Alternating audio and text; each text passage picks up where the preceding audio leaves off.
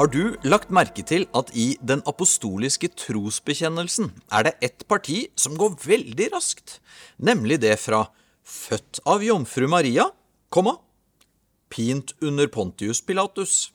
I det lille komma ligger alt Jesus gjorde, fra han ble født i julen og til han døde i påsken. Det er mye i et komma. Virkeligheten er jo at det aller meste Jesus snakket om, underviste og praktiserte, det handlet om dette livet. Nå er det sommer. Om du er på ferie eller ikke, så er det en god sjanse for at eh, du har litt annerledes dager. Forhåpentligvis litt roligere tempo, med det også en mulighet til å se ditt eget liv litt granskende. Hvordan er dette kommaet vårt, dette mellom fødselen og til vi skal tilbake til Gud? Verdenshistoriens største tale handlet om akkurat det. Jesus sto i skråningen ned mot Genesaretsjøen i Galilea nord i Israel og snakket til helt vanlige mennesker som deg og meg om dette livet vi har i hendene våre. Og det han sa, det var så uvanlig at det fortsatt i dag er til å bli sjokkert av. Og sånn sett så er det fortsatt nok for de fleste av oss fristende å overse eller bortforklare mye i denne talen. Men la oss i dag faktisk se på den. Hva er et godt liv? er spørsmålet vi kanskje kan formulere som det spørsmålet Jesus svarer på i denne talen. Det var nok allerede sånn da, og det er i alle fall sånn nå, at vi sammenligner oss med hverandre. Vi kan se på hverandres hus, ferier, status, og så kan vi si at uh, vi er glade for uh, andre som lykkes, mens vi samtidig inni oss gjør en sammenligning av hvordan er mitt liv i forhold til det der eh, som jeg ser rundt meg. Og så vil vi under det vite har jeg egentlig lykkes i livet? Jesu tale er en skikkelig medisin mot denne type sammenligninger. Så la oss begynne med starten. Jesus begynner merkelig. Salige er de som er fattige i ånden, for himmelriket er deres. Salig er kanskje et ord vi ikke bruker så ofte, men det er altså en slags sånn gratulasjon til noens lykke i nåtid eller fremtid. Du vet, vi kan si enten oppriktig eller mens vi knytter nevene i lommene. Så heldig for deg, da, at du skal på din fjerde ferie i år, sier du, eller at du alltid sover godt om natten. Salig er du, gratulerer med din lykke. Det var sånn man brukte dette ordet. Og hva var det Jesus sa her? Salige, eller Heldige er de som er fattige i ånden. Noen har prøvd å forklare dette med at han bare veldig metaforisk beskriver noen som er kjempeglad i Gud. Men det er usannsynlig at Jesus ikke nettopp mente fattige, for Gud har alltid hatt et godt øye til de som ikke har pengene selvkontrollen, statusen og den lysende fremtiden sånn menneskelig sett. Jesus erklærte faktisk at salige, altså lykkelige, er de som ikke har. Det er ikke fett å være fattig. Jeg husker jeg så den joviale politikeren Jon Lilletun en gang slå i bordet da han hørte noen han syntes idylliserte fattigdom. Jeg har kjent fattigdom på kroppen, sa han, og det er vondt. Noen har korrumpert det kristne budskapet og sagt at hvis du er rik, betyr det at Gud liker deg bedre enn andre. Men Jesus sjokkerer her altså med å si at den fattige har Gud på sin side, og at Gud en dag vil rette opp alt som er urett. Dette er da egentlig en veldig umoderne måte å tenke om et godt liv. Men Jesus har mer på lager. La oss høre hva han fortsetter med. Salige er de som sørger, for de skal trøstes. Altså, jeg har stått ved graver som det har føltes naturlig å være, gamle mennesker som har fullført gode livsløp, men jeg har også stått på iskalde kirkegårder og visst med hele meg at dette dette er feil. Og bare ved at jeg sier dette nå, kan det hende jeg vekker opp en sorg hos deg, og da vet du, sorg, det kan gjøre fysisk vondt. Det er ikke bare knyttet til død, det kan være til et ekteskap som ikke gikk lenger, at barnet ditt fikk et helt annet liv enn du hadde håpet, eller at ditt eget liv ikke i det hele tatt ligner på det du hadde sett for deg. Det Jesus sa, høres helt feil ut. Heldige er de som sørger. Hvordan kan han si det? Heldige er jo de som ikke sørger, vil vi si.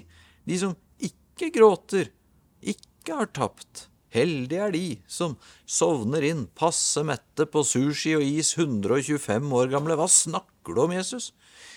Jesus gir ingen forventning om å kunne gå gjennom livet uten tap og sår, altså tvert imot, men så sier han altså at et liv med sorg ikke er et mislykket liv, selv om det ofte er det vi kan få inntrykk av rundt oss.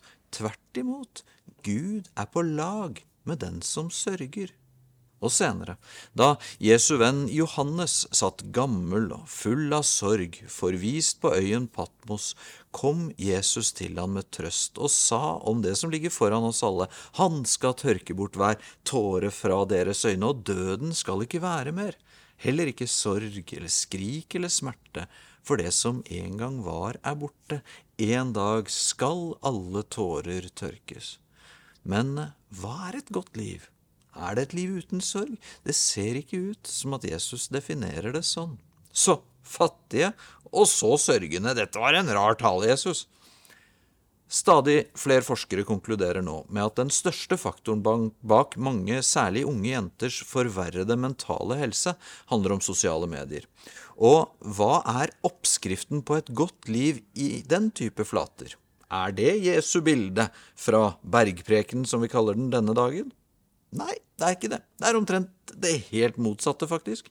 Derfor trenger ikke bare tenåringer, men vi alle å høre Jesu ord fra denne dagen. For hvis vi ser rundt oss, hvem er det som eier de fineste eiendommene? Hvem er det som har mest? Hvem er det som ender opp på toppen til slutt? Jo, det er de som vet å karre til seg, sier du kanskje, de som vet å bruke både albuer og triks. Apropos sosiale medier, så finnes det visstnok egne profiler av folk som bare har det for å skryte av hvor mye penger de sløser bort, og dermed hvor gode liv de lever. Men Jesus advarte denne dagen om at alt sånt er kortsiktig. Faktisk vil det en dag bli helt motsatt. Han sa videre, salige er de ydmyke, for de skal arve jorden. De ydmyke, de arver nesten aldri jorden. Nei, nå så. Men Jesus sier de skal. En dag skal de som sitter nederst, settes øverst. En dag skal de som tror de selv ikke er verdt noe, bli de aller største. Så vi må ikke la oss lure. De ydmyke vinner til slutt. Og dette er virkelig annerledes ord.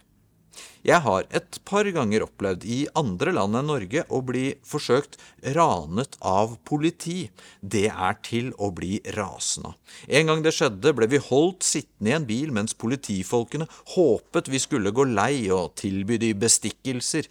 Etter en stund samlet en eldre lokal pastor politifolkene rundt seg og sa til de i hele verden er politiet innsatt av Gud for å sørge for rettferdighet. Dere er skapt i Guds bilde for noe bedre enn dette. En av politimennene strakte da hendene i været og lot oss kjøre videre. For meg var jo ikke det som skjedde den dagen noe verre enn en spennende historie å fortelle etterpå. Men for veldig mange mennesker i verden er dette hverdag. De kjenner på dyp strukturell urett på kroppen hver dag så er det noen som tenker at ja, kristen tro, det er jo mest vage, runde ord. Men Jesus sa, salige er de som hungrer og tørster etter rettferdigheten, for de skal mettes. Dette sa han til mennesker som levde under romernes brutale okkupasjon av Israel, og han sa altså at de som sulter og tørster etter rettferdighet, er salige, lykkelige. Ikke fordi det føles sånn nå, men fordi rettferdighet er på vei.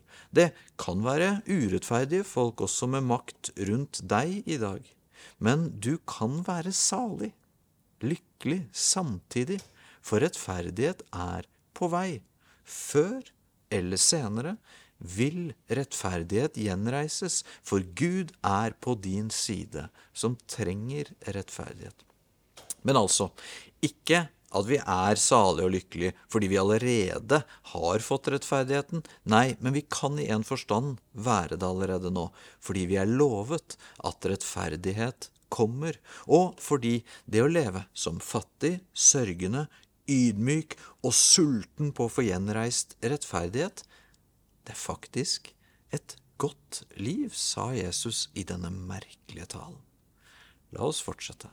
For vi vet i hvert fall at vi må stå opp mot de som gjør noe feil, mot oss eller andre. Pave Frans forteller i en bok om en prest som hadde sittet en hel dag og tatt imot folks skriftemål, altså at folk kommer, bekjenner synder, og at presten på Guds vegne tilsier syndenes forlatelse. Og da kvelden kom, ble presten urolig. Hadde han tilgitt for mye, vært for raus med tilgivelse? Han ba til Gud og sa, Gud, tilgi meg hvis jeg har tilgitt for mye. Men så la han til, men så har i så fall du vært et dårlig forbilde for meg. Jesus sa, Salige er de barmhjertige, for de skal få barmhjertighet. Det er så i tråd med Jesu hjerte å være barmhjertig, tilgivende, raus, for der har Jesus vært ikke et dårlig, men et godt forbilde for oss alle. Og sannheten er jo at vi selv også trenger barmhjertighet hver dag. Men vi vet at denne verden krever av oss at vi er tøffe, harde, at vi ikke lar oss herse med eller bli for myke. Vi må gjøre hjertet litt hardt så vi ikke er pingler. Det er mange som ser på det å være mest mulig herdet, erfaren og kynisk som viktig. Hva har så Jesus å si om det? Han sier, salige er de rene av hjerte, for de skal se Gud. Det er et annerledes godt liv Jesus viser oss enn det vi ser rundt oss hele tiden. Vi lever i dager med økende polarisering, spenninger, flere konflikter, og da kan det være lett å tenke at også vi må være sterke, at vi må slå fra oss enten det er i familieselskap eller lunsjrom eller bak tastaturet. Og det var selvfølgelig ikke akkurat noe fredeligere på Jesu tid. De var okkupert, undertrykt og hadde verdens mest rettferdige kamp å kjempe. Likevel sa Jesus så rart, salige er de som skaper fred, for de skal kalles Guds barn.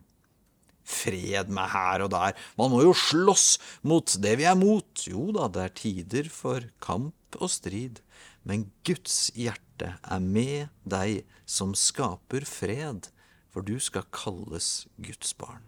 Så Jesu oppskrift på et godt liv denne sommerdagen er høyst motkulturelt og mot mange av våre iboende instinkter, for han sier at den som er fattig, den som sørger, den som er ydmyk, den som sulter etter rettferdighet, den som er barmhjertig, ren i hjertet og skaper fred, den har funnet det gode livet. Ikke på kort sikt, ikke for å vinne i sosiale medier eller politiske valg, men for å vinne det evige livet, det vi er skapt til å leve i vårt komma mellom fødsel og evighet hos Gud. Gud velsigne deg. Du har nå hørt en podkast fra Filadelfia-kirken i Oslo. Vil du vite mer om oss, gå inn på filadelfia.no. Og ikke minst velkommen til å feire gudstjenester med oss hver eneste søndag, enten fysisk eller online.